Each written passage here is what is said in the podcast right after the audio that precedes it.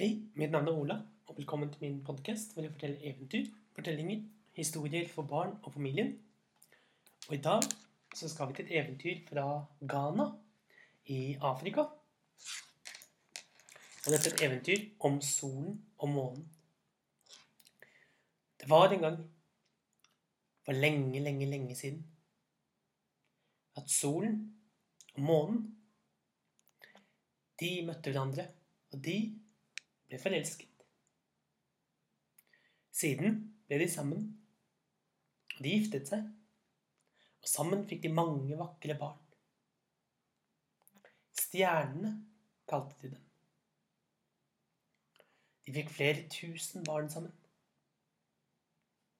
Og de levde lykkelig i mange, mange millioner av år. Men en gang så ble månen forelsket i en annen. Og hun holdt dette hemmelig for mannen uten å si noen ting til solen. Men etter en lang stund da fant solen ut at konen var utro. Og han konfronterte henne med denne, dette. Og de begynte å krangle. Og solen var veldig såret. Han var veldig lei seg en lang stund.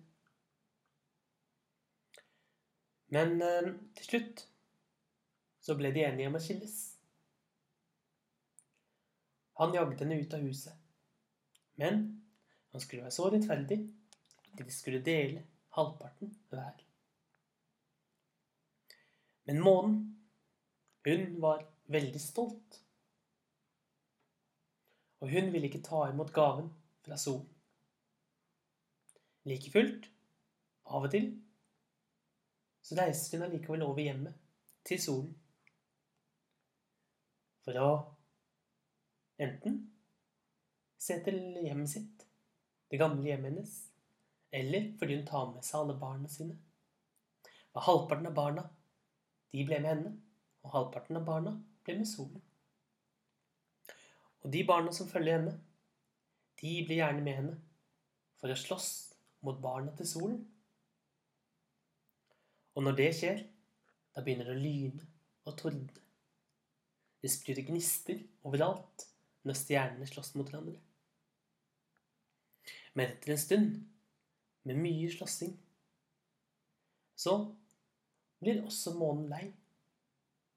Og da ber hun alle barna sine om å trekke seg tilbake igjen ved å vise dem en stor, fin regnbue.